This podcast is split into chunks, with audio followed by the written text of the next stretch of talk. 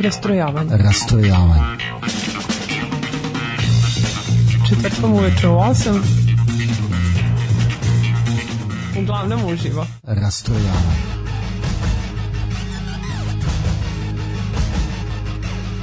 U 8 sati.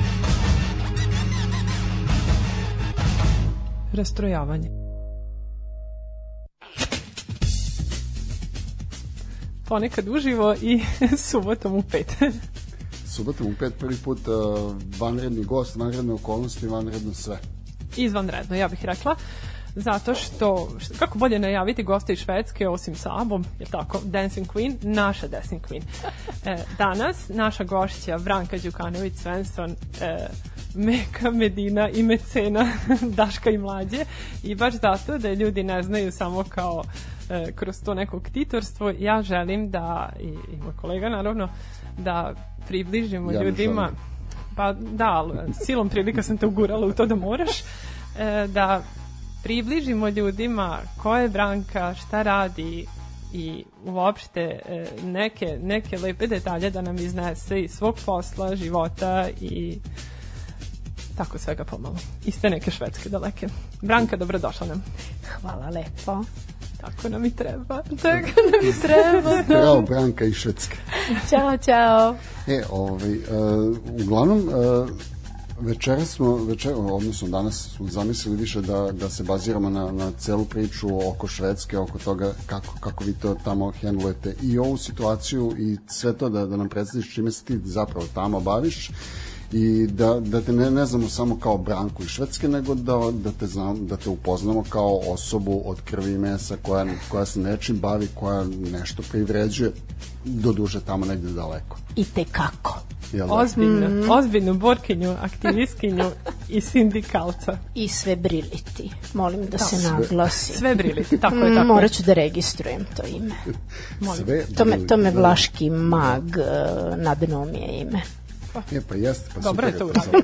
Ček samo da spustim još malo ovaj muziku. E, ok, super sam. Samo spusti muziku, ovaj, mislim da dođem do izražaja. Tako da, je. da ovaj, da ovaj mezzo sopran dođeš da izraža, jel? E, ovaj, Smilja, hoćeš da pitaš nešto na početku ili ćemo da, da idemo na muziku pa da onda... Bolje, ajde krenemo odmah, šakom u glavu. Pa neću šakom u glavu, šakom u glavu, samo ako ću Branku pomaziti, ja nju volim. Nemojte me šakom u je, glavu. Mislim, nema smisla. Pristala sam bre subotom popodne da dođem. Ko to još radi? Morate biti dobri Tako prema je. meni. Jeste. Recite vi meni, da li ja dovoljno blizu ovde... Ti si, ti si tamo. Ti si tamo E, fiksirana. Znate kako, ja kad Znači- vas slušam, ja obično pomislim daj gurnite te goste malo bliže, ja E, bih vrlo rado da ih čujem. Odlična. Ja sam lepo odlično. rekla da nama treba onaj stalak iz optike za pregled vida, znaš, da se ljudi da. fiksiraju Da i, ili da- neka da. kragna ili nešto, ali, Brada uz ali ne, mikrofon. ne, nešto to, da. Mhm. E, je bitna stvar koju smo najavili, a koja je meni e, nužno vezana uz tebe, jer je posao kojim se baviš, je e, sindikat. E, to je nešto što... A nije u- beogradski. Ne upada i pričamo o ozbiljnim stvarima. E, zašto e, sindikat? To je nešto što u mom poimanju datira jako davno, znači iz nekog detinjstva, vezano je za e, neke 80. 90. kada je to sve verovatno bilo e, ozbiljno, još uvek postojalo, sad je neka e, tek e, reč koja se nekad spomene i mislim da puno njih ni ne zna ni, ni šta je to, ni e, zašto je važno imati ga tako da molim te Branka da s te strane nas malo prosvetiš. Zašto se organizovati u sindikat i koji su benefiti koji je istorija toga? Izvoli. Hvala lepo. Ja bih prvo htela da kažem, ovaj, kad se ljudi sastanu ovako i kad pričaju nešto, onda sam ja mislila, mm, šta ćemo sad da nađemo, moram da nađem neku crvenu nit da to sve e, predstavim. I ovaj, onda ja pomislim, uvek nešto mora da ima cilj o, zašto se o tome priča i onda ja sam čula da mislim ovde je krajnje vreme za neku revoluciju pa ovo je sad neki uvod u jednu IT, revoluciju IT, da. Branka. Branka, sad kreni, Izvoli. kreni revoluciju ovaj, e, ja bi rekla vrlo kratko zašto je važno e, zato što zajedno smo jači kad smo udruženi. U sindikatu je, su, je jako važna solidarnost, E, neki ljudi, na primjer, ulaze u sindikat baš zbog nekih ličnih benefita, zato što sindikat može da organizuje osiguranje, može da pruža neke povlastice, međutim, e, krajnji cilj organizovanja je uvek da se ima snaga. E, sindikat je ona druga strana u razgovoru sa poslodavcem i da bi ti imao neki dobar glas u tome ti moraš biti organizovan i mora vas imati puno i da ne pričam koliko je važan novac. Novac je jako, jako važan da bi sindikat funkcionisao, a to možemo da ostvarimo samo tako da nas bude puno i da plaćamo članarinu. Slažem se. Da li bi to onda moglo da se kaže da je sindikat nešto što obezbeđuje sigurnost radniku koji je član. Da, da bome. Ja obično kažem da ovaj bez sindikata ne može da se živi normalno. E, ja sam recimo medicinska sestra, radim u univerzitetskoj bolnici u Geteborgu i tamo sam poverenik na radnom mestu i zadužena sam za E sad sam se raspitala terminologiju. Ja sam odbornik za bezbednost i zdravlje na radu. A, kolega. Ja, ja bih sad samo pitao šta to konkretno znači da. u, u, celo, u celoj ovoj priči? Šta ti konkretno radiš, čime se baviš? Tačno da bome. Mene su moje kolege na radnom mestu izabrali za predstavnika, zato što sam pokazala interesovanje baš za zaštitu na radu i zato što volim to da radim, volim da se informišem, da se edukujem i da predstavljam te moje kolege u razgovoru sa poslodavcem, da se bolje, borim za bolje uslove rada, da se borim za da nam bude dobro na poslu. E sada, šta su bolji uslovi rada? Obično na prvom mestu svi mislimo na platu, međutim, bolji uslovi rada su svakako radno vreme, e, znači mi delimo tu bolje uslove rada na fizičku i na psihički deo. Fizički su, na primjer, da imamo obezbeđene radne stolove, da imamo aparate sa kojima radimo, osvetljenje, ergonomski nameštaj. Znate kako, to nijedan poslodavac neće da ovaj, obezbedi ako ga neko ne pričepi, bez obzira što to više košta da se ne radi na tome, ne, nego da se radi na tome. Onda recimo taj, taj psihički deo, to je jako važno zato što tu ulazi e, diskriminacija, stres, jako je važno naći neku meru, jer krajnji je cilj i zaposlenog i poslodavca da su radnici zdravi i da imaju snage da rade i da privređuju. Onda se mi tu dogovaramo kako ćemo da nađemo najbolje moguće mere za to. Dobro, e, sad, sad si rekla da poslodavac sam neće hteti da, da ti obezbedi neke osnovne, mislim nisu osnovni, ali neke benefite koji, koji ti pomažu u tom radu. Ja prosto ne mogu da verujem da, da je i u Švedskoj tako. E, pa znaš kako, to je istorijski. Ti imaš poslodavca kome je krajnji cilj da uz za što manje uloženih sredstava ostvari najveću moguću dobit da zaradi što više. Da. I za jednog poslodavca je u stvari radna snaga potrošna roba. Naravno. I to je, mislim, to su odlike kapitalizma, to je vrlo jedan nehumani sistem, međutim, zato mi, radnici, moramo da se organizujemo, da se izborimo za svoja prava, da budemo viđeni kao ljudi, ne samo koji će da rade, nego ljudi koji imaju pravo na slobodno vreme, na odmor, na pauzu, na kulturu, sve to život. Sećate se onoga davnog kad se radnička klasa borila za 8 sati odmora, 8 sati slobodnog vremena i 8 sati rada. Mislim, to uopšte nije bez veze. Mi smo sada prešli na neke, neka radna vremena po 16 sati ili nešto. E, to znači da od nečega mora da se zakine. Mm, da. Ili zakidamo na snu, ili zakidamo na slobodnom vremenu, što na kraju može da da oboljenja. Jeste. I e, ono što bih ja onda pitala jeste koliko je e, ta organizacija na nivou sindikata prisutna u nekim drugim sferama, znači ne samo u medicini. Ne znam koliko si upućena tu, ali pretpostavljam da znaš. Našla si najupućeniju osobu da Pa, priča. da, ali morala sam da budem fina. šalim se, šalim se. Ja se ne šalim. E, ja mogu sada da vam predstavim neke cifre. E, recite samo ako počnemo onako naširoko, ali ja bi onako uopšteno o sindikatu, da ljudi stvore jednu, jednu sliku. Ja, ja bi vrlo rado volela da ljudi postavljaju pitanja, zato sam pristala na ovu uživo emisiju, jer ovaj, bilo bi mi drago da pitaju, ja ne znam šta ljudi ne znaju, ali ja ću prvo da, da pričam nešto ovako uopšteno i pričam za Švedsku, to najbolje znam. Švedska je naš uzor. Onda, hoćemo onda prvo da, da pročitaš ovaj, broj telefona na koji ljudi mogu da se jave, da, da bi da bi nam postavljali. Mislim, pošto ja, ja već dobijam pitanja neka na, na Discordu, dobijamo, dobili smo neka pitanja i na i na Viber grupi, ali bilo bi lepo i da ljudi koji nisu na, na tim grupama imaju nek, neku smernicu gde mogu da se javi da postave pitanje Branki. Dakle, broj telefona Smilja 061, znam da je 061. 061 156 8860. Ako imate bilo kakvo pitanje za Branku, tu je danas i beži u Švedsku. Ajmo na muziku.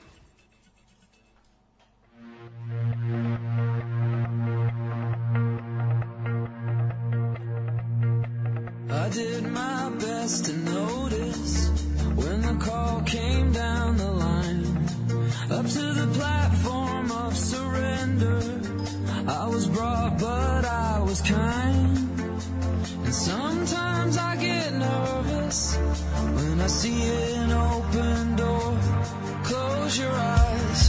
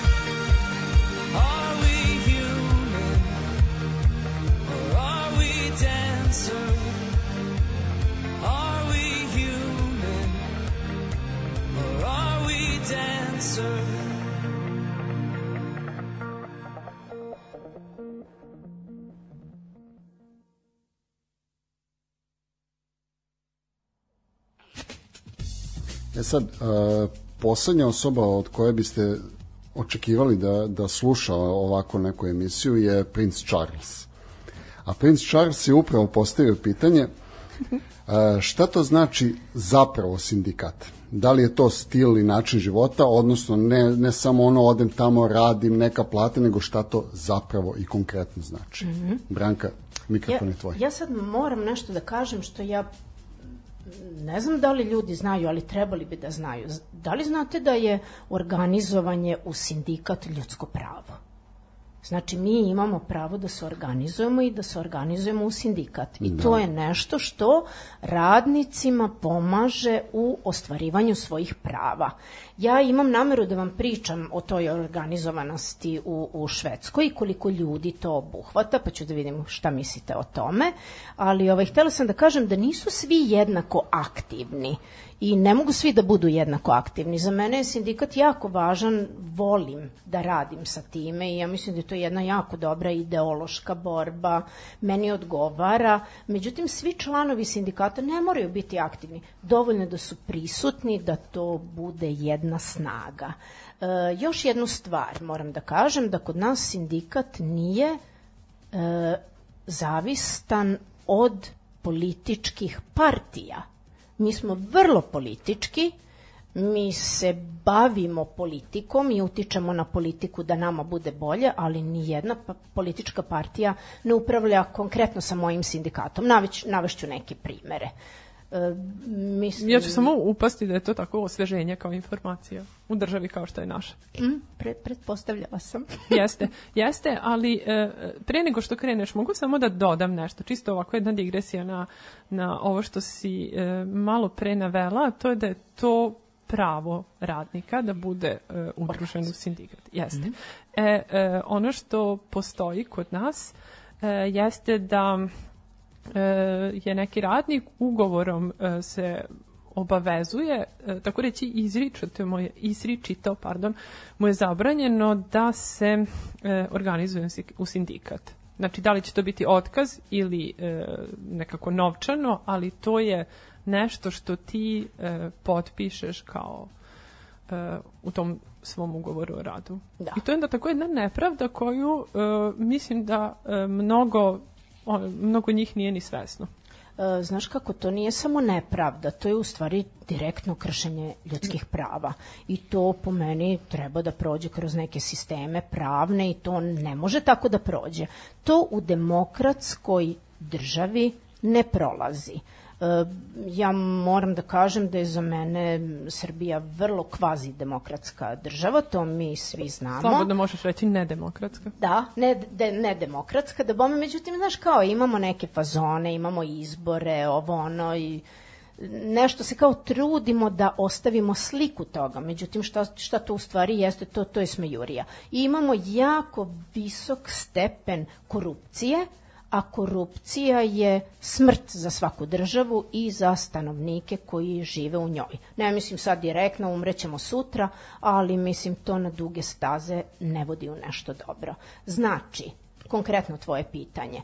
E, kako se odupreti poslodavcu koji ti poturi pod nos da potpišeš e, jedno ono pristanak na radno mesto u kome se traži od tebe da ne da se ne organizuješ u sindikat. Tako. Ti to sam ne možeš da izboriš neko ko je sam nije jak. Međutim, ako ti si udružen sa svojim kolegama i ako imate jednu organizaciju, spomenuli smo članstvo, članarinu, čim jedna organizacija ima članarinu, ima novac da zaposli pravnike, oni se kod nas zovu ombudsmeni, koji su pravna lica i koji se bore za radnička prava.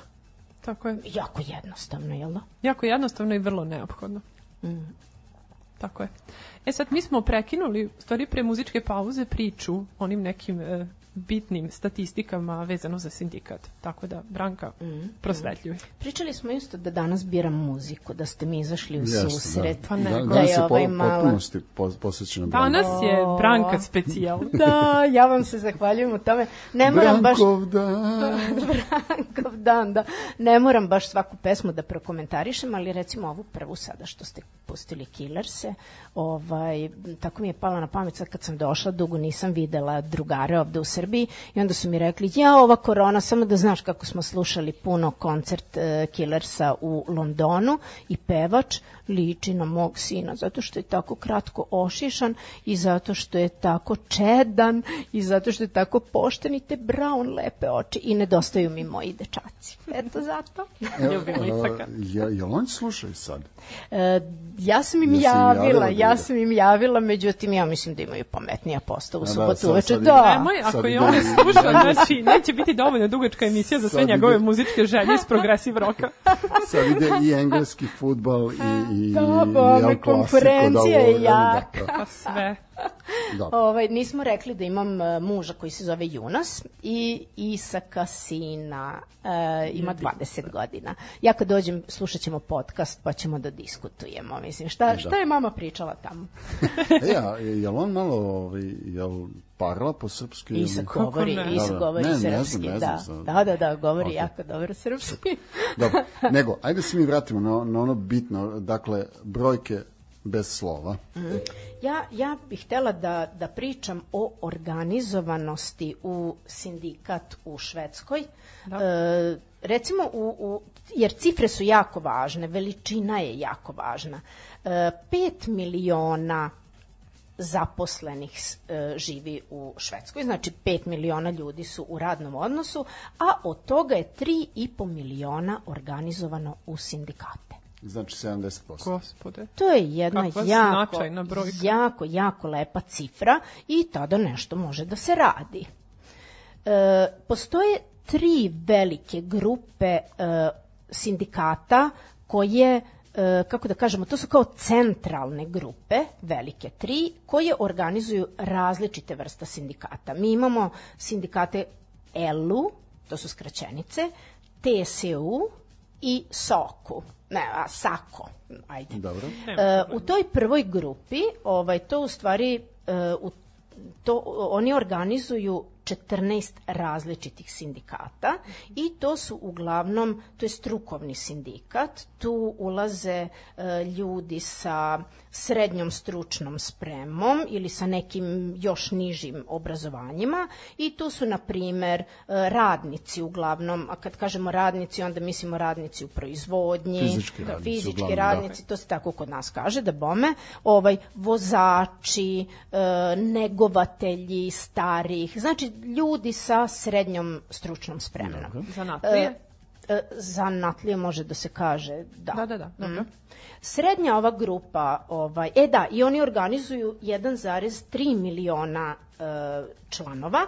Ta grupa je bila najveća nekada kad je sindikat krenuo, zato što je najviše bilo radnika u proizvodnji. Međutim, vidite ovo globalno, recimo sad se radnici sele po celom svetu, Kina nas obskrbljuje, tako da je kod nas sada najveća ova druga grupa sindikata, a to su u stvari službenici. Ja spadam u tu grupu sindikata, ima, tri, ima nas 13 sindikata i ima nas 1,4 miliona. Znači, usredsredili smo se na neke uslužne delatnosti. Tu su e, medicinske sestre, babice, tu su učitelji, nastavnici, profesori, tu su policajci. Kod nas su policajci organizovani u sindikatu 96 procenata i ovaj posebno jednu celu emisiju možemo da radimo o policiji, o sindikatu u policiji. Mislim, to je nešto sasvim drugo nego što mi vidimo ovde. Jer policiji je posao održavanje demokratije i javnog reda i mira u jednoj državi. Ništa drugo, rekla bih. Dovoljno, ne moramo Trebalo. više, ne moramo više o tome. Treća bome. grupa? A treća grupa su e, akademci sa visokom stručnom spremom. Mi u ovoj srednjoj grupi imamo svi e, s, e, višu stručnu spremu. Znači, ja na primjer imam tri godine više škole i imam onaj najniži akademski e, rekli smo da slabo slabo baratam sa, termino, veze, sa terminologijom na srpskom, ali da bome. I eventualno imamo još e, ono specijalizaciju godinu ili dve imamo magistre i to. Međutim ta treća grupa su baš akademski. Tu su recimo profesori fakulteta tu su lekari tu su advokati i ovaj 21 sindikat oni organizuju i recimo nešto što mogu da vam kažem e, nešto što je jako pozitivno i što je jako lepo da ti ljudi uglavnom glasaju za levičarske opcije. To, to je lepo čuti. Da, da negde u belom svetu, mislim dobro, u belom svetu je to sasvim normalna stvar da ljudi ovaj, da su shvataju, se- da, su shvataju sistem socijalne osvešćeni, pravde, da. bome, socijalne pravde i ovaj solidarnosti i koliko je to važno za opstanak eh, svih nas i ovog sveta da ne mešamo sada Da, klimu i da pričamo o tome o klimatskim uslovima, aj to ćemo neku E drugu sad, emisiju. nešto, nešto što, što mi je zagolicalo uši, ovaj, pomenula si da od 5 miliona e, zaposlenih zvanično u Švedskoj, Da. je u sindikate organizovano oko 3,5 miliona. Znači, ogroman broj, 70% ljudi znači da su u sindikatima. A sad nešto što, što je meni prosto neverovatna stvar, a, da li se država ikada, ne znam, nekako drznula, da kažem, da zagrebe u, u, sindika, u, u, ta sindikalna udruživanja. Da li a, onog trenutka kada nekome ukinu neko pravo, da li se svi podižu odjednom, da li, da li bude demonstracija nekih, da li bude je- ili jednostavno prekida ra, rada, mislim štrajkova, otkud znam. Ti si načela sada jednu jako važnu temu, a to je rad i funkcija sindikata. Ja mogu da pričam najbolje o tome u Švedskoj. I, na primer, tu je jako, jako važna istorija sindikata, kako je to sve počelo. Ovaj, ljudi su ono bili izrabljivani i ovaj, jednostavno nisu mogli da dobiju adekvatnu cenu za svoj rad i onda su počeli da se organizuju i onda su organizovali naravno štrajkove, jer ti samo u stvari štrajkovima možeš da nateraš posleda, poslodavca na neke bolje uslove rada, recimo i poubijano nekoliko ljudi i ovaj sad da ne pričam baš tako u detalje o tome, međutim onda je e, napravljen jedan sporazum između poslodavca i sindikata, nešto što se zove švedski model. Da postoji jedan dogovor u tome bez ikakvog mešanja. Znači, država nema tu stvarno šta da radi. Politika, vlada, oni nemaju apsolutno ništa sa sindikatom, nego je to jedan odnos između sindikata i poslodavca. E sada, e, nijednom poslodavcu ne ide u prilog ako radnici štrajkuju on ne može da zaradi novac, on ne može da ostvari neku svoju proizvodnju, ne može da, ne može da ispuni to nešto. Njemu je vrlo u interesu da do štrajka ne dođe. Nama je isto u interesu da do štrajka ne dođe, jer to je stres, to je muka, neće da ti plate platu, nije sigurno da sindikat ima dovoljno novca da ti tada kompenzuje.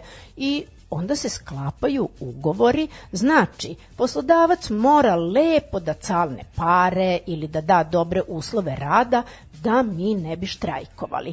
Zato e, svi ne mogu da štrajkuju. Moj sindikat, na primer zdravstveni, koji organizuje e, medicinske sestre, sestre koje rade na rentgenskom snimanju, e, laborante i babice, ima na 115.000 članova u Švedskoj, mi nema sile da štrajkujemo zato što će ovaj narod da nas mrzi. Mislim, stvarno ne možeš da štrajkuješ. Tako da ovaj onda znači moraju da nam izađu u susret na nekim da. drugim pregovorima i to je to što je kod nas što se zove švedski model uh -huh. i onda mi sklapamo kolektivne ugovore sa poslodavcem i to samo može sindikat da radi. Znači, oni koji su neorganizovani, koji nisu članovi sindikata, e, mi ne pregovaramo za njih. Međutim, oni u Švedskoj e, ulaze pod sve te ugovore, dogovore koje smo mi potpisali i ja sad imam jednu jako lepu reč na švedskom koja se zove snolhus, a ja bi to na srpskom rekao, mislim švercuju se, šlepuju ja se. tebi. E, e, kako si rekao? Ja tebi. e, a to su ono šverceri. Mislim, Jeste. ono, to, ni, to nije u redu. E, ali vidiš, sad si baš e, stvari dala odgovor na uh, jedno od pitanja koje smo dobili, jer je bilo uh, Branka, jesu li počeli nemiri u Švedskoj, tako da uh, mogu da budu. Ka, uh, da li znaš možda poslednji slučaj kada su se uh, neki radnici nekog sindikata digli? Joj, mogu da vam kažem da ovaj proteste organizujemo malo malo pa organizujemo proteste ali baš štrajk uh, u mojoj struci je bio poslednji put uh, 2008. godine međutim tada smo mi znate vi koja je to organizacija ovaj tada moraš da izvedeš u štrajk neka radna mesta koja ne ugrožavaju zdravlje pacijenata. Znači možeš onda da izvedeš u štrajk neka prijemna odelenja, neke tako nešto, ali ipak dovoljan broj ljudi da se pojavi na a, ulici. A da, a da posao ne trpi. Jeste, jeste. To je jako bitno. Posao ne sme da trpi. Ovaj, u, švedski zdravstveni radnici, konkretno gde, je, gde se ja nalazim, imaju jako veliku podršku javnosti i jako veliko poverenje. Uh, ali mi smo to i poverenje opravdali time što radimo za dobrobit naroda i onda to bude jedan onaj, kako da kažem, jedno uzročno posledično. Tako da smo primetili sad i u vreme, na primjer, ove korone. Videli ste svugde u svetu da je jako bila velika podrška ovaj, javnosti, aplaudirali su za radnike, međutim onda smo mi rekli hvala lepo, to je baš jako lepo, ali nama treba konkretna pomoć. Nama treba veća plata, mi trebamo da dobijemo više para kad radimo preko vremeno, tako da su se ljudi organizovali, pa su masovno nosili hranu, mojim kolegama, jer ovaj, to je bio apel, daj ljudi pomozite nekako, skuvajte ručak Da, pa ili nešto Jeste. konkretno, Pa da, da, da. aplauzi ne, ne vode Pomozite ničemu. onim što treba. Da, Da, i to, i to je Da. neka vrsta I- revolucije. E, to je revolucija, solidarnost, Da. da. revolucija, to je to. Idemo na revoluciju jednu.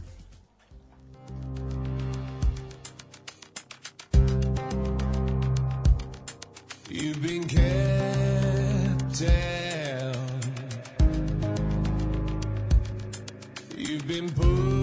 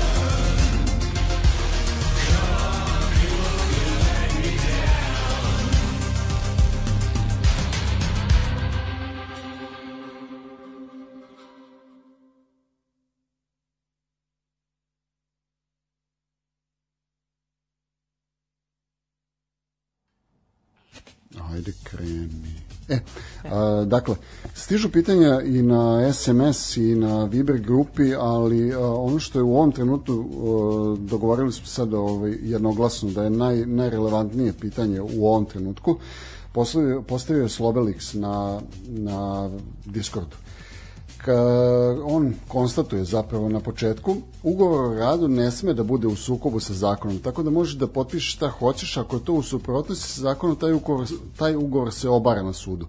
Ovlašćenja sindikata u Švedskoj su mnogo veće od ovlašćenja sindikata kod nas. Pa sad pita, kolika je članarina, šta sve pokriva ta suma od članarine, na šta se troši i da li je sve to transparentno? Branka, mikrofon Ja bi se samo ja bi se samo vratila na ono što je rekao razlika sindikati su u Švedskoj mnogo da, šta no, šta je rekao koju reč je upotrebio konkretno, ovlašćenja sindikata su u Švedskoj su mnogo veća od ovlašćenja sindikata kod nas. Da, jesu. To je nama naša borba dala. Njoj si hvala. Mm, njoj zi hvala i nama hvala. Naravno da smo, pa vidite da smo jaki ko zemlja, mislim ima nas jako puno i ta borba traje i ne prestaje, nikad ne prestaje. E, članarina konkretno u mom sindikatu je 30, 30 i nešto evra mesečno. E, nije jednaka cena organizovanja za sve sindikate. Da. Kao što sam rekla, nas ima 115.000 organizovanih u mom sindikatu koji se zove Vårdförbundet u, u, u Švedskoj i mi smo odredili tu sumu. sumu. E, imamo jednu sumu od 10 evra mesečno koju posebno uplaćujemo u jednu kasu e, za nezaposlenost. E, ta solidarnost je jako, jako važna. Sad nas je, na primjer, izvukla iz ove korone da pokrijemo troškove ljudi koji su ostali bez posla i meni je recimo sad od 1. oktobra, sad ću da vas slažem, da li mi je skočilo na, 100, na, na, na 13 evra ili na 15 evra i onda bi sad neko rekao jao, pa skočilo 50 procenata i ove ono. Ja mogu da vam kažem samo da je recimo kutija cigara, ne znam, lažem, ne znam koliko košta, ali oko 7 evra. Ja mislim kutija cigara znači da je smešno, znači da, se isplati solidarnost. Jeste, i izvini sad Branka, samo ću upasti, ja sad razmišljam koliko je to kod nas mislim e, sad da, da ne lupam, ali sigurno 10 puta manje nego, nego u Švedskoj. Da, Neka ali, jako smešno. Da, ali Suma plate su verovatno 500 i u odnosu, ja sad procentualno stvarno ne znam da, Da. kažem. Da. Izvini, postavi još neku pitanju. Da li je sve transparentno? Naravno, jasno. naravno. E, sindikati su demokratske organizacije, demokratsko udruživanje, sve je transparentno, sve možeš da čitaš, da znaš. Ja, ja sam, na primer, preko tog mog, ja sam bila poverenik na radnom mestu, onda su kolege rekli, ja, ajde ti to tebi dobro ide, ajde da te biramo negde dalje, pa sam onda bila poverenik na nivou moje univerzitetske bolnice u, u Geteborgu. Na primer, na jednom delu te bolnice imamo 10 različitih klinika, konkretno ja sam radila na kardiologiji, nisam ni rekla šta radim. Radim sa akutnim, nisam e. Dobro, sa čekala sam da infarktima. da, da. E onda posle toga, isto tog aktiviranja tamo, mi u toj bolnici imamo, imali smo šest i po hiljada članova, mislim da sada imamo četiri i po hiljade članova, ali ne zato što nas članovi napuštaju, nego zato što se sve efektivizira. U Švedskoj isto traje mm, jedna katastrofa privatizacije i gašenja državnih e, institucija, kao na primjer zdravstvo i to, ali vidjet ćemo gde ćemo tu da dođemo. I onda posle toga, ajde, znate kako, kad neko hoće da radi, onda lako ga ljudi izguraju i biraju ga u neke veće stvari, onda ja sedim e, u predsedništvu mog sindikata u Geteborgu za tu regiju koja obuhvata 90 e, sad ću da vas slažem mi imamo 20.000 članova i imamo oko 800 poverenika na radu i sad ja radim recimo u tom predsedništvu i bavimo se strategijom kako ćemo da pregovaramo sa poslodavcem i to. I imamo recimo budžet, imamo sastanke i to naravno da moramo sve da ispostavimo tamo, to kogod klikne. Ko je član? Moraš biti član da bi imao uvid ovaj sve je transparentno zato što taj novac mora da se rasporedi na aktivitete za članove, mora da se rasporedi da se pra, plate ljudi koji su zaposleni u sindikatu. Mi imamo recimo službenike koji nam rade PR, mi imamo uh, ombudsmene, to su ljudi, uglavnom to budu neke medicinske sestre koje su posle učile malo uh, prava i to, jer to su stvarno najbolji ombudsmani. Odlično. I jako mi je lepa, uh, lepa rečenica kad si rekla kako su tebe izglasali, uh, zato što su prepoznali. Taj moment je jako važan, a uh, kod nas je nekako, čini mi se uvek s nekom zadrškom. Da. Znate kako, ja bi isto rekla ovaj, da se ne može biti lažno skroman. E, ja recimo volim ovo da radim i onda sam ja rekla ljudima nema problema, ja ću to da radim, meni se ovo dopada. Jer e, poverenje je jako važna stvar i ne stiče se preko noći. Tako. E, poverenje od bilo koga, od svojih kolega ili u porodici ili bilo koga stičeš svojim radom. Jeste. E, a svojim radom. Ajde, Branka, šta ti to radiš? E, dobro je pitanje. Ja sam uh, medicinska sestra, rekla sam radim u, u univerzitetskoj bolnici u Geteborgu i radim sa srčanim infarktima u uh, laboratoriji. Ja mislim da se to ovde kod nas zove koronarna jedinica. Tako je, zove se. Da bome, mi ono ugrađujemo stentove i, i tako to. Mm, I tako to. Mislim, radimo pacemakere, radimo aritmije srca, imamo jako, jako puno tih laboratorija, radimo u zračenju, rentgenskom zračenju i nosimo olovno odelo kao zaštitu. Moje odelo se sastoji od prsluka i od suknje i ima 7,5 kila. Zato ste jaki. Zato imam ovakva ramena, mislim, ono kao sam sunđer Boba. Pa, super heroji, medicinski, odlično. E sad, e, mislim da nismo možda do kraja e, odgovorili na pitanje zašto je važno organizovati se svi benefiti sindikata. Da bome.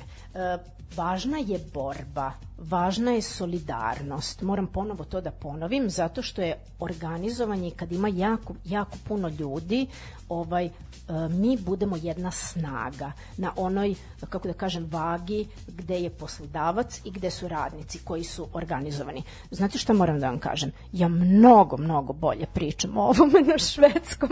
Sad mi je malo teško, tražim reči, ali Pa smanjila bi nam reči. slušalaštvo instant Nije, i mi, dobro. mi, ti, mi, mi ti zaista ne, ne, ne zameramo na to. Da. I da pričam tu malo da spomenem isto istoriju, na primjer ovi udruženi sindikati, to nisam rekla da radimo u udruženim sindikatima TSU u Geteborgu i tu sam predsednica, imamo 120.000 članova. a ko bi bio bolji predsednik nego neko sa ovih prostora? Pa ne znam za predsednika, ali najbolja sam predsednica. Da.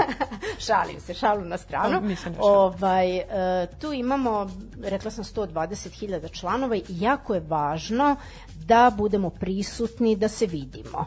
Šta mi sad tu možemo da radimo? Mi tu obično radimo, utičemo na javno mnjenje, to se tako kaže.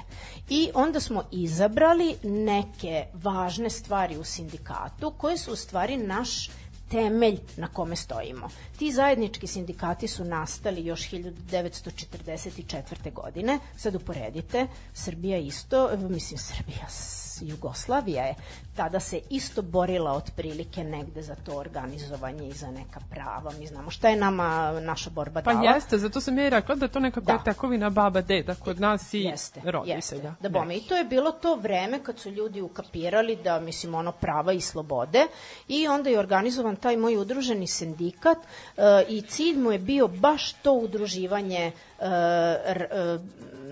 solidarnost. E, udružili smo se da bi jačali i da bi razvijali pravo na organizovanje i na pregovore. Jer znate šta, nije to to može da postoji dok god postoje ljudi koji se time bave. I to je očigledan primer ovde. Raspadom Jugoslavije, stvaranjem malih državica koje se uglavnom bave nekim nacionalnim, nacionalističkim pitanjima, gubi se to neko organizovanje. Znači mora da se održava sve vreme.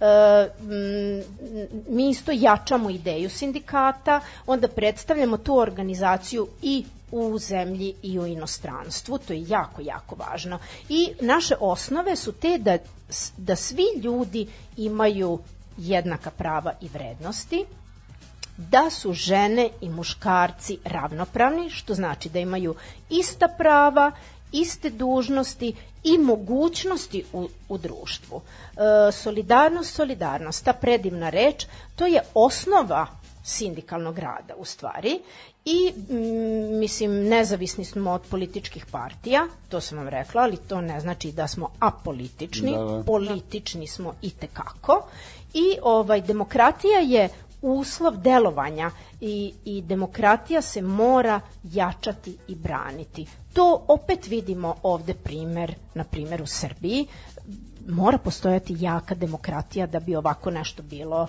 moguće. Tako je, za početak mora postojati demokratija. Ili se da se izborimo za nju. Tako je.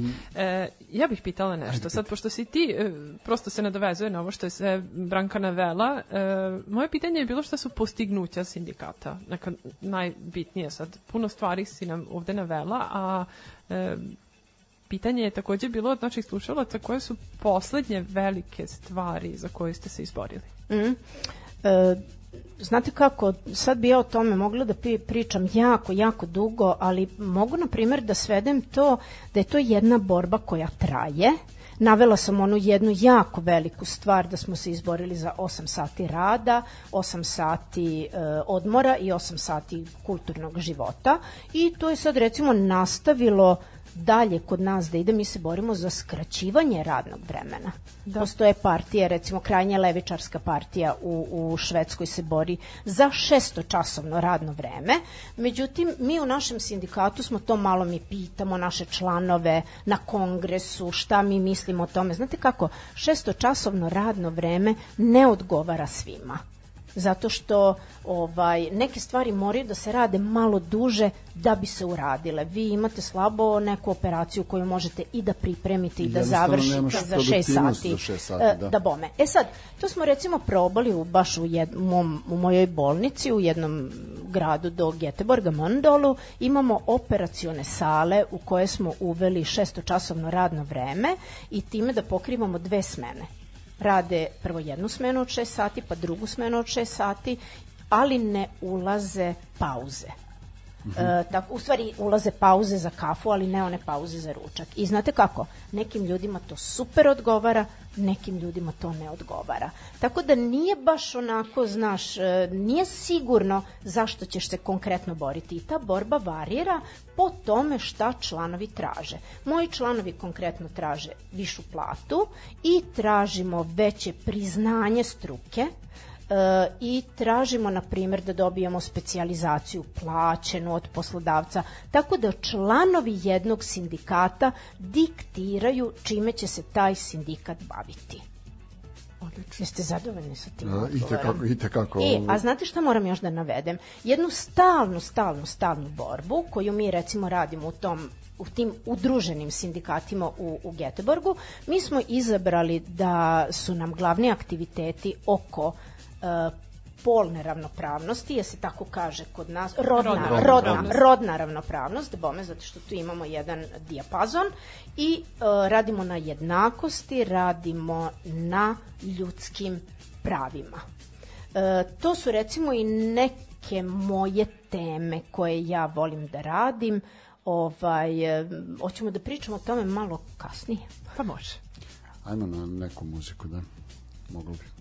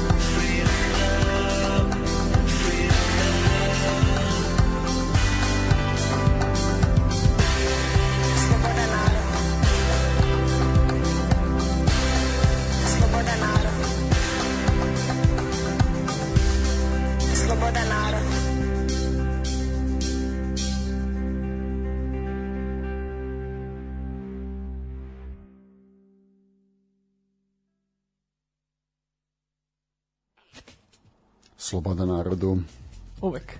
E, ovaj, imam sad još jedno zanimljivo jako pitanje. Kaže, koliki je minimum zaposlenih da bi se mogao oformiti sindikat i mogu li, e, mogu li e, sezonci da se organizuju sindikate? E, e, Zapravo to su dva, dva pitanja od iste osobe, Da, ali... zna, znaš kako, da bi se oformio sindikat, mislim, ja ne znam da kažem, kod mene sindikat već postoji, ali e, pitanje može da se odnosi e, koliko je potrebno zaposlenih radnika da bi se izabrao predstavnik sindikata na radnom mestu. U Švedskoj je dovoljno četiri radnika koja su članovi sindikata i da izaberu svog poverenika A- koji će ih predstavljati. Čekaj, sad, sad mi nije jasno, četiri ukupno, znači koliko god je zaposlenih ili četiri na, na nekom procentu, četiri procenta, ne mislim sad... Samo četiri radnika. Aha, ok, četiri radnika koji su članovi sindikata na radnom mestu imaju pravo da izaberu poverenika koji će ih predstavljati i koji će vršiti pregovore sa poslodavcem. A što A zna- da bi se sindikat organizovao, jako dobro pitanje, mora se negde početi. Ljudi, organizujte se. Da. Dižite revoluciju. organizujte se. E, m, ja sam recimo isto dobila neka pitanja, ja kako, pa to ovde niko ne može, pa to ovde niko neće. Znate kako, onda ja obično kažem, pa ako nećeš, onda ti još nije dovoljno loše. E, baš to, baš sam tela reći. Mislim da ljudi ne shvataju sve e, prednosti organizacije. u organizovanja. ja. Da, da bome, da bome. Ja, ja recimo mogu sada nešto da špekulišem i da kažem, do sada su to bili radnici, kao što sam rekla, industrijski radnici, međutim, ja primećujem da je ta e, ta kategorija ljudi, da tako kažem, slabo postoji u Srbiji. To je sad nešto, ovaj, zapošljavaju se u tim nekim fabrikama koje su u stvari u nekom feudalnom društvu, ja bih vrlo ra, rado rekla. I ovaj, radnici su jako zaplašeni, dobijaju jako malo para, ja ne znam kolika je njihova mogućnost da se informišu, ne znam koliko su oni potencijalni, e, potencijalna snaga. Međutim, ja vidim jednu drugu snagu u Srbiji, a to smo pričali o tome, IT sektor. Sad nam je cilj da podignemo IT sektor u revoluciju. E, imamo Rekao jednog bi predstavnika... drugar Vlaški mag IT Branka. Branka Dova- A ja bih rekla IT Smiljo. Ti si Smiljo u IT-u i vas ima jako do, puno vas ima, obrazovani ste, imate dobre plate i čula sam sad je počela država malo da vas cima. I znate kako, ni jedna nevolja e, svaka nevolja može da donese nešto dobro. I svako nevolji u nekom trenutku mora doći kraj. Da bome, ali ne čekanjem. Nego organizovanjem. Znači, aj ti organizujte se i napravite jedan Pa sindikat. što misliš, što sam ja tebe dovela ovdje? To su sve sebične potrebe. Ovako, sam, Da. ja mogu ja samo pre nego što postavi, odnosno, odnosno pre nego što pročitaš Krudiju poruku, a, momak koji je postavio pitanje o ovo koje, koje sam ti pročitao, a, kaže, kod nas je a, minimum 50 zaposlenih. Sada posjećaš nam odgovoriti i na to, a onda imamo i konstataciju ljudi koji bi trebali da se organizuju u, sindikate, su oni sa najmanjim platama, a oni ni ne smeju da se organizuju jer će jeli, ostati bez posla. Da. E, ja bih odgovorila ne znam za tu cifru 50, ali pretpostavljam zato što je ovoj državi e, cilj da se ljudi ne organizuju Naravno. da bi se lakše eksploatisali. Ali e, zakoni se donose i pravil, pravila donose ljudi, tako kako su ih doneli, tako mogu i da se promene, a kad ti e, se udružiš sa svojim kolegama i kad vi, e, recimo, imate vas zaposlenih 15 na radnom mestu i svi ste organizovani, svi ste ušli u sindikat, pa se povežete sa nekim IT-em iz Beograda, pa sa nekim u Novom Sadu. E, Znate kako, moraju se raditi e, statistička istraživanja, cifre, vi morate da imate jednu sliku koliko vas je to, to time se ja, na primer, bavim i da znam u koju bolnicu sada trebam da idem da pričam malo, ej ljudi, što ste izašli iz sindikata, da li ste normalni, mislim, da li znate šta to znači. Ja sad malo to bagatelizujem, ali to recimo ulazi isto ovaj u posao sindikata da uh, povećaš broj članova. Moj je neki san da sve medicinske sestre budu u sindikatu, međutim mi nažalost imamo samo organizovanost od nekih 76% tamo gde, gde ja radim. Samo. E, samo, Pa da. to je samo, ovaj, znaš Samo kako... s- za uređenu državu kao što je Švedska Da. i nedosanjan san za, Srb, za Srbiju. To, Tako. to je samo jer imam već jedan primer, na primer loše organizovanosti medicinskih sestara u Štokholmu, koja negde nije ni 50%. I onda kad ti dođeš tamo kao sindikalac i hoćeš da potpišeš ugovor, onda poslodavac kaže što bi ja pričao sa tobom, pa ti ne predstavljaš većinu. Da, da, da. To je Da, jako da. opasna je- stvar. To je, to je veliki problem. To je da. jako opasna stvar. Mislim da to je, to je konkretan problem baš ovaj, o, ne, ne samo Srbija, to je problem balkanskih, eh, ba, o, Ma, ove to je regije. problem da. u svetu, mislim, ali moraš Ne se... mogu da pričamo sve. Da, da, da, da, ali, ali, mo, ali moraš se boriti. Tako je. E, e sad, jedan jako interesantna poruka. Krudi, on je čovek za sve i za sve živo ima neki primjer iz života. Da kaže, drugov otac je pre 30 godina bio jedan od vođa sindikata u Šinvozu. Ne znam šta je Šinvoz. E, Pored Botoša Pored. Botoša, e, neko Nije, to, preduzeće. je, to, je, to, je, to je firma. Da. Ovaj, E, Dobio je otkaz i nalazi se na crnoj listi u Šinvozu i dan danas kad se već tri puta promenio vlasnik. I ne samo u Šinvozu, nego i u firmama koje su sarađivale sa tom firmom. Ni dan danas nije zaposlen i trenutno su kinezi vlasnici, cijela uprava drugačija, ali crnu listu su sačuvali. Izgleda da se nasleđuje. Mogu da zamislim. E, kao što sam rekla, e, cilj kapitalizma nije jako organizovani radnik. To ti u stvari predstavlja ti problem zato što ti traži uslove. Tebi je u cilju da razbiješ svako organizovanje radnika i ovde, mislim, ono, pri, primenjuju se represalije, crne liste su totalno nedozvoljene, međutim, može im se. Onda bih ja to rekla, gde su kolege iz te firme da skoče, da solidarno stanu u svog kolegu i ovaj mislim, Koliko? borba mora da postoji. Jeste. Koliko, e, koliko sindikat može da zaštiti radnika od mobinga? Jako interesantno pitanje. E, to je posao sindikata. E, recimo, znate da diskriminacija nije dozvoljena, bilo po kom pitanju. Imamo razne osnove disk, e, diskriminisanja.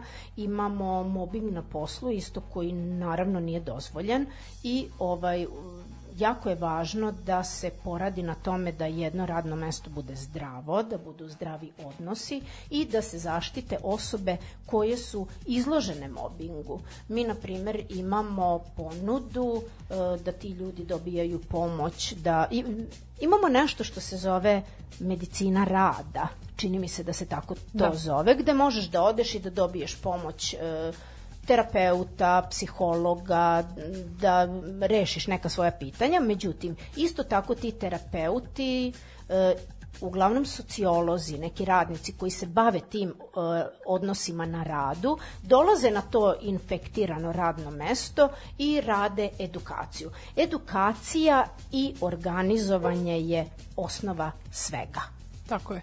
E sad, e, pošto si spomenula tu rodnu ravnopravnost, to je jedna od bitnih stvari tvoje borbe tamo, feminizam i slične stvari. Ajde, malo o tom. Ajde malo o tome da pričam. To je stvarno, to su stvarno teme e, za koje ja sagorevam. Je se tako kaže? Evo, evo Da, samo, a, a pre sagorevanja, evo, Krudi nam je poslao šta je Šinvost, kaže, remont lokomotiva i proizvodnja vagona. Hvala, Krudi, svi smo nešto naučili. Pa, pa mogli smo da zaključimo. Šin i voz, mislim. hvala. Krudi, hvala, hvala Krudi.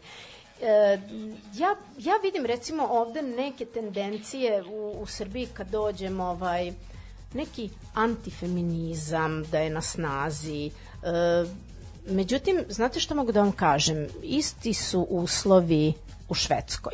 Mi živimo u stvari globalno u jednom svetu gde je navala nekih nedemokratskih snaga, nekih diskriminirajućih snaga, e, nekih snaga koje žele da sputavaju progresivne ljude, žene, mislim znamo desničarske partije nama su ušle čak i u parlament i osetno se primećuje da raste rasizam, da raste mizoginija i sve što već ide sa time. Mislim, pozivaju se na neke tradicionalne vrednosti, što ja ne znam, mislim, za mene su tradicionalne vrednosti u Švedskoj sloboda, Ona da čuva, on, on da rađa. Da, Da. Mislim, sad i o tome možemo da pričamo jednu posebnu emisiju i onda, znaš, on, onda dođu pa kao, jo, šta feminizam, pa vi ste, ne znam, e, ne znam, radikalni feministi. Ja bih samo rekla, e, feminizam je u stvari borba za rodnu ravnopravnost. I onda bi ja sad htela da pitam čoveka, mislim ono, obično muškarce, i da pitam ovaj, jel ti stvarno misliš da su sve žene ravnopravne sa muškarcima. E sada, tu ima jako puno nekoga negodovanja, jako puno nekog pričanja, navođenja primera, da li žena odlučuje sve u kući. Mislim, znate šta, jako je velika razlika da li žena u kući odlučuje šta će da kuva, a da joj neko odlučuje o životu i da li ima pravo da radi abortus ili da se zaposli ili, ili bilo šta drugo. E, tako da mogu široko na ovu temu, ajde nekako da se pridržavamo nečega. Jo, još, još bi nešto, nešto bi pametno da kažem, baš o tome. E, Vezano za rodnu ravnopravnost ili... vezano baš za, za feminizam. E, ljudi u stvari ne znaju svoja prava i, i slobode. E, prava su da budemo ravnopravni. Tako da, ravnopravnost. ravnopravnost, da bome. Tako je. Tako je. E, meni je neverovatno, znaš, sad kad si ovo pričala, uvijek, e, uvijek mi je nekako Iran prvi na pameti i one njihove žene koje su 60-ih izgledale kao da su ono, izašle iz Hollywooda, onako lepe, sređene. Imaš utisak da je ceo život, ce- ceo svet njihov, a sad, znači, tako je neka nezamisliva e, realnost, verovatno, za, za one godine tada. Da, ovaj, e, a, a, recite mi, jel mislite da se ovo sad u Poljskoj, kako, kako je krenula sa, cijela ova situacija, da li će u Poljskoj u nekom trenutku da, da, da prevlade ta džamahirija, katolička džamahirija, da kažem? Ja, ja mislim da je ovo jako veliki poraz koji se desio u Poljskoj. Ovaj, to je jedno jako veliko nazadovanje i pravo da kažem ne znam kako i kada će se to ispraviti. Ali jedna borba je jako, jako važna. zato Sigurno što... ne u skorije vreme, da.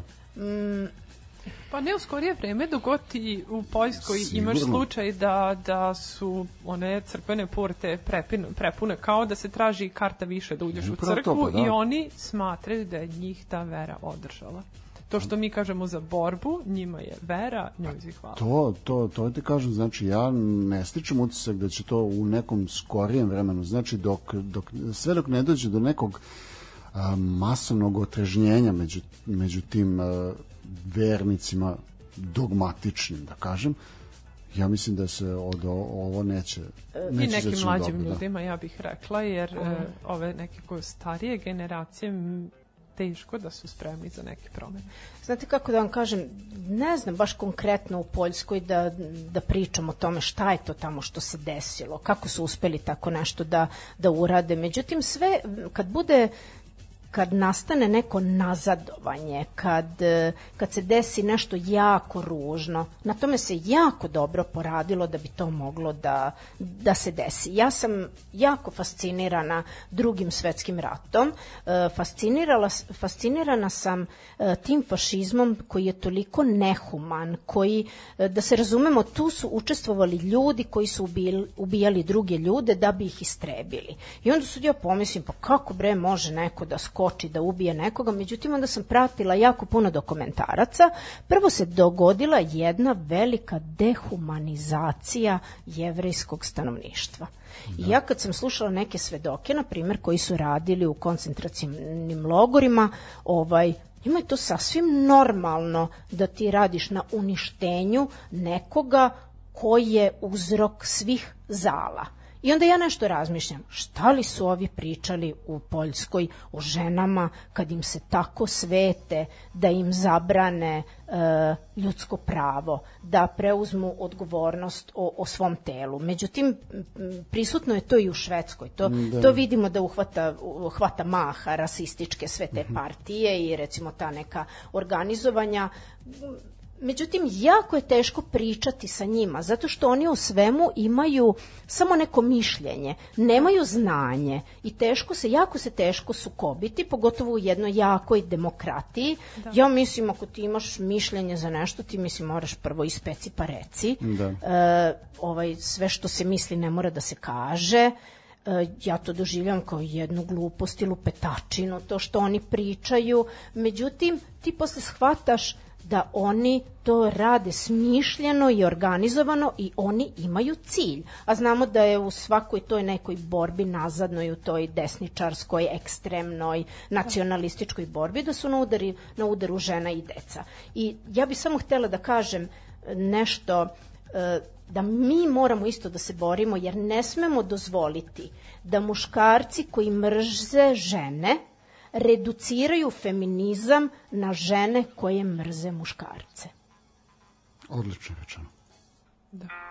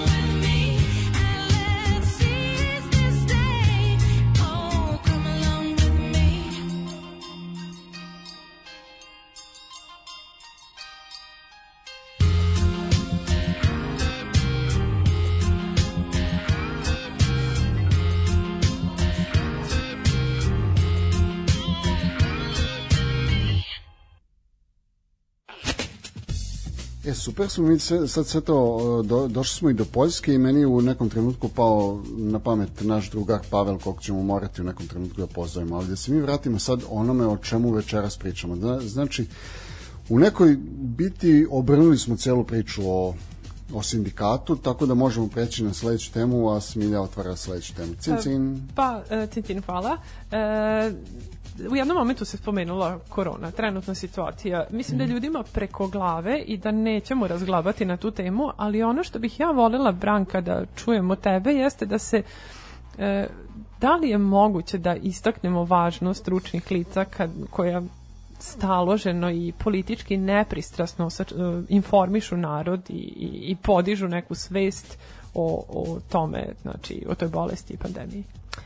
Važ... Nama je to jako falilo i, i, i treba nam znači, da čujemo kako se to radi u jednom normalnom društvu. Pratila sam malo pa sam odustala. E, važnost e, stručnih lica bih ja rekla je presudna po pitanju korone. Ali ne samo njihova važnost, nego i da, da, da njihovo znanje država sluša i poštuje. Tako to je. se desilo u Švedskoj. I ne odlučuju umesto njih. Da bome.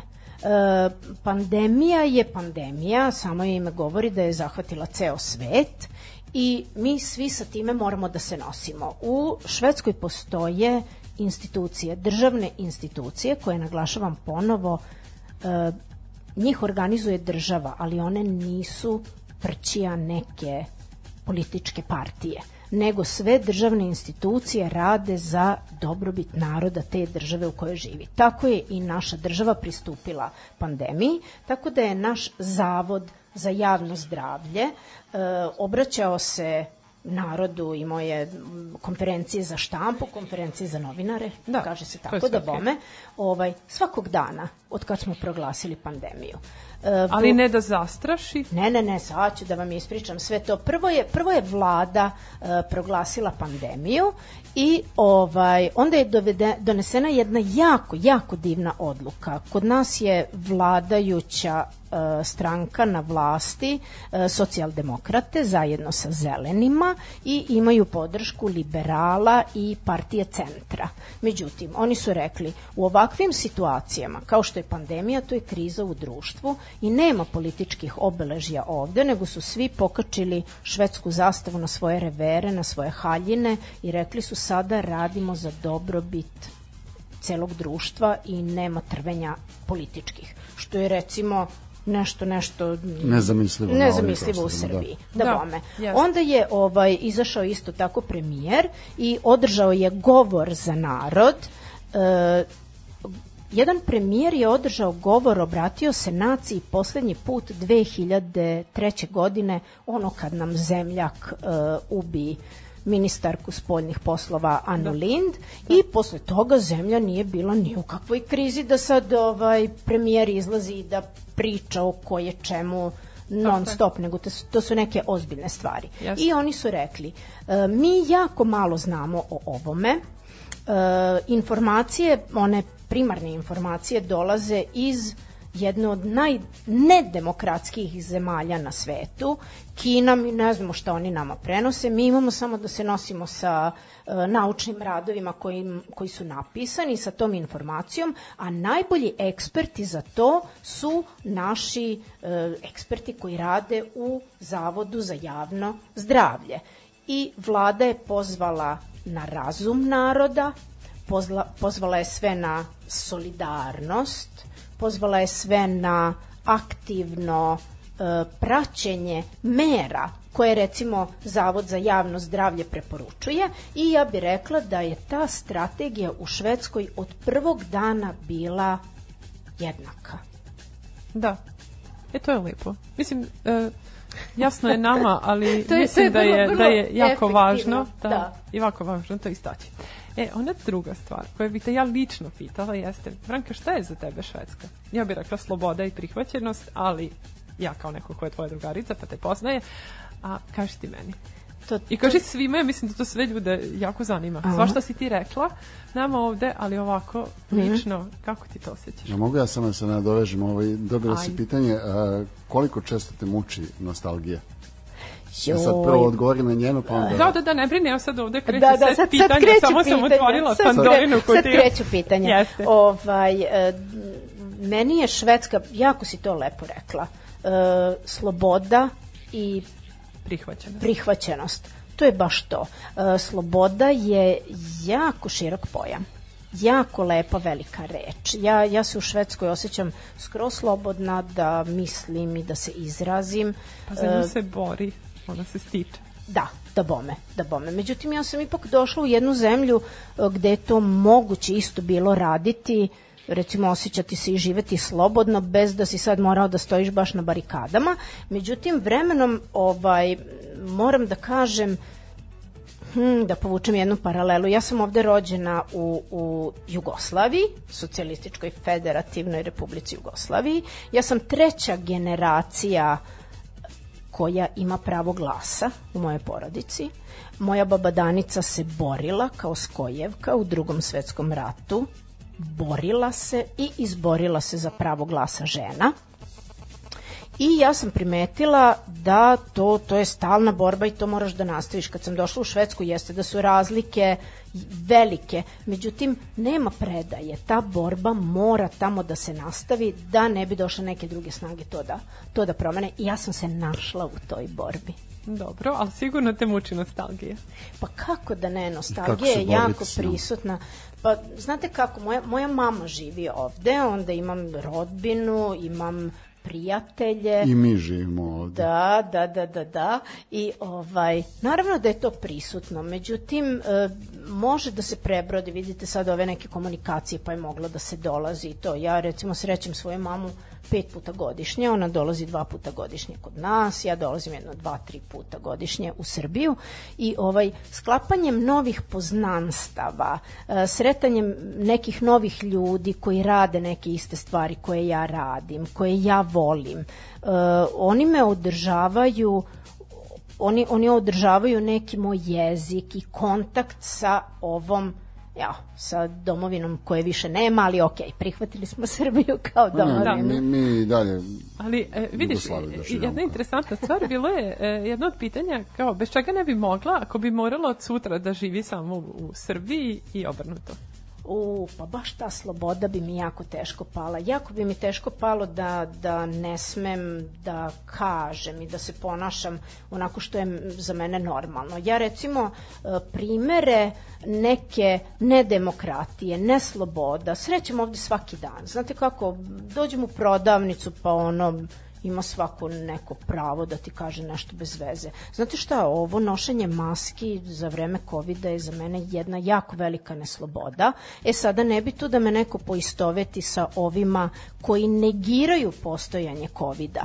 Ja bih samo htela da kažem da mi u Švedskoj ne nosimo maske zato što ne postoji dovoljno jaka naučna osnova da maske štite. Maske štite radnike koji rade sa covidom u direktnom kontaktu sa obolelima, a ovo nošenje po, po ulicama, pa skini, pa stavi, mislim, postoje Da. bolje mere, bolje mere od toga. I jedno jako bitno pitanje jeste Branka, koliko košta čašica suncokreta na ulicama Varberga? jel, jel onako, kakav je? Ovaj, jel ga prepeku ili je onako taman? Ja to kupujem na kile, ja neki turski E, jako evo, je dobar. megalomanija. Znači, samo smo čekali da dođemo do toga. Dobro?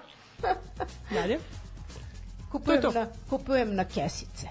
Nema Kod čašica. koga? Ko to peče? Pa da, u nekim samiškama, kažem, uvezeno iz Turske, mislim da su te najbolje. A omiljene su mi semenke bundeve iz Mađarske. Aha, mođi.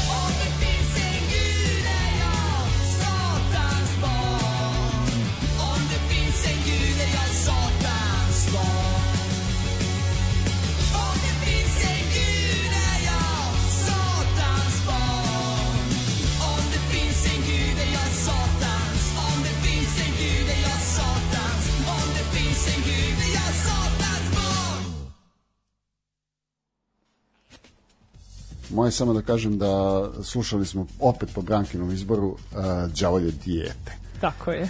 Đavolje dijete u vremenu. E, evo ovako, pošto Ako naš... postoji Bog, ja sam đavolje dete.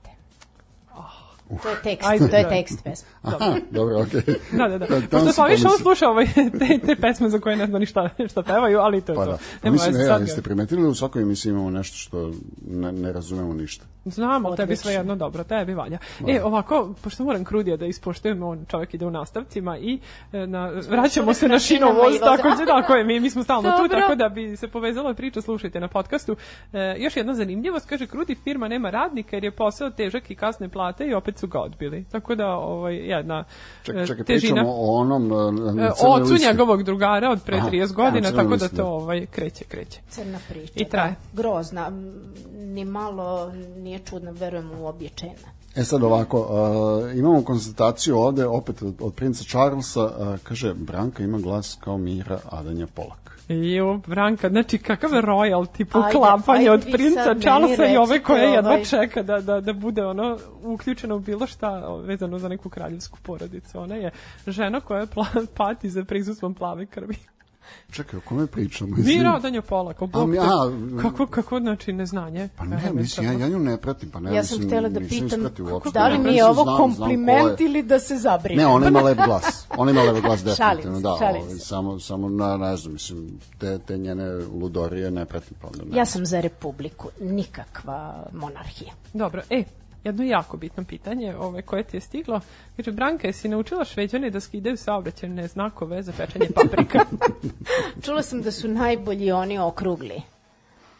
Okrugli? Šalim se, Pa ja sam mislila da su, da su šestouga, oni znači ovo. Ne znam. Znate šta mogu? Hoćete da vam kažem nešto? Sad ova korona kad je bila i postoji, evo pravim reklamu čoveku koji kamionom dovozi voće i povrće sa, iz Jugoslavije, mogu bi se reći, i zemljama u, u susedstvu. Dobro. Znate kakve sam jela bele paprike iz Albanije?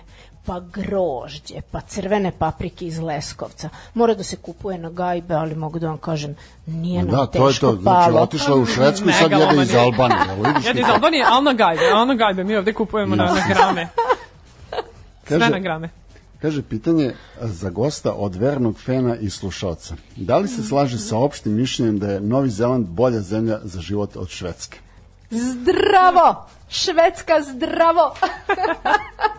Nema sile, kakav bre Novi Zeland, taman A posle. imaju bolju klimu. Nemoj, imaju bolju klimu. Sad Ali se- daleko. se- sad se šalimo, ali daleko je čoveče, ne ide nikako. I ostrvske zemlje, mislim, lako je tamo biti ono dobar i pametan. Ovaj. Šalim se. Ne, zato što ne možeš Ja da pobegneš. Ja sam pristrasna. Samo dobri plivači. To je to.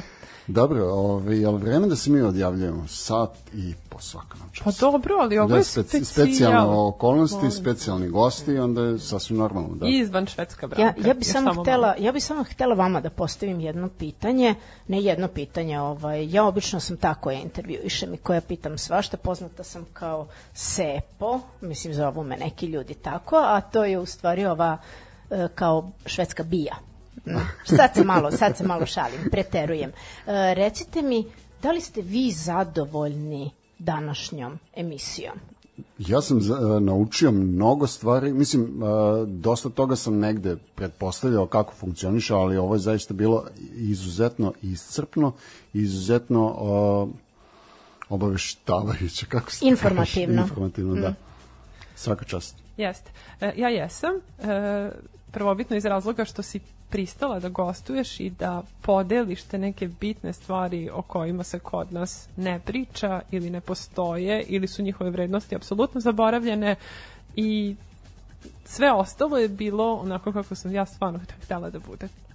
I hvala svima koji su učestvovali, pisali našoj branki i doprineli da ovo bude kvalitetnije. Hvala. Hvala Hvala svima. svima. i poljubac svima i ovaj ne zaboravite organizovanje, solidarnost i IT revoluciju. Revolucija! Živela sloboda. Skol. Rastrojavanje. rastrojavanje, Četvrtkom uveče u 8. Uglavnom uživo. rastrojavanje,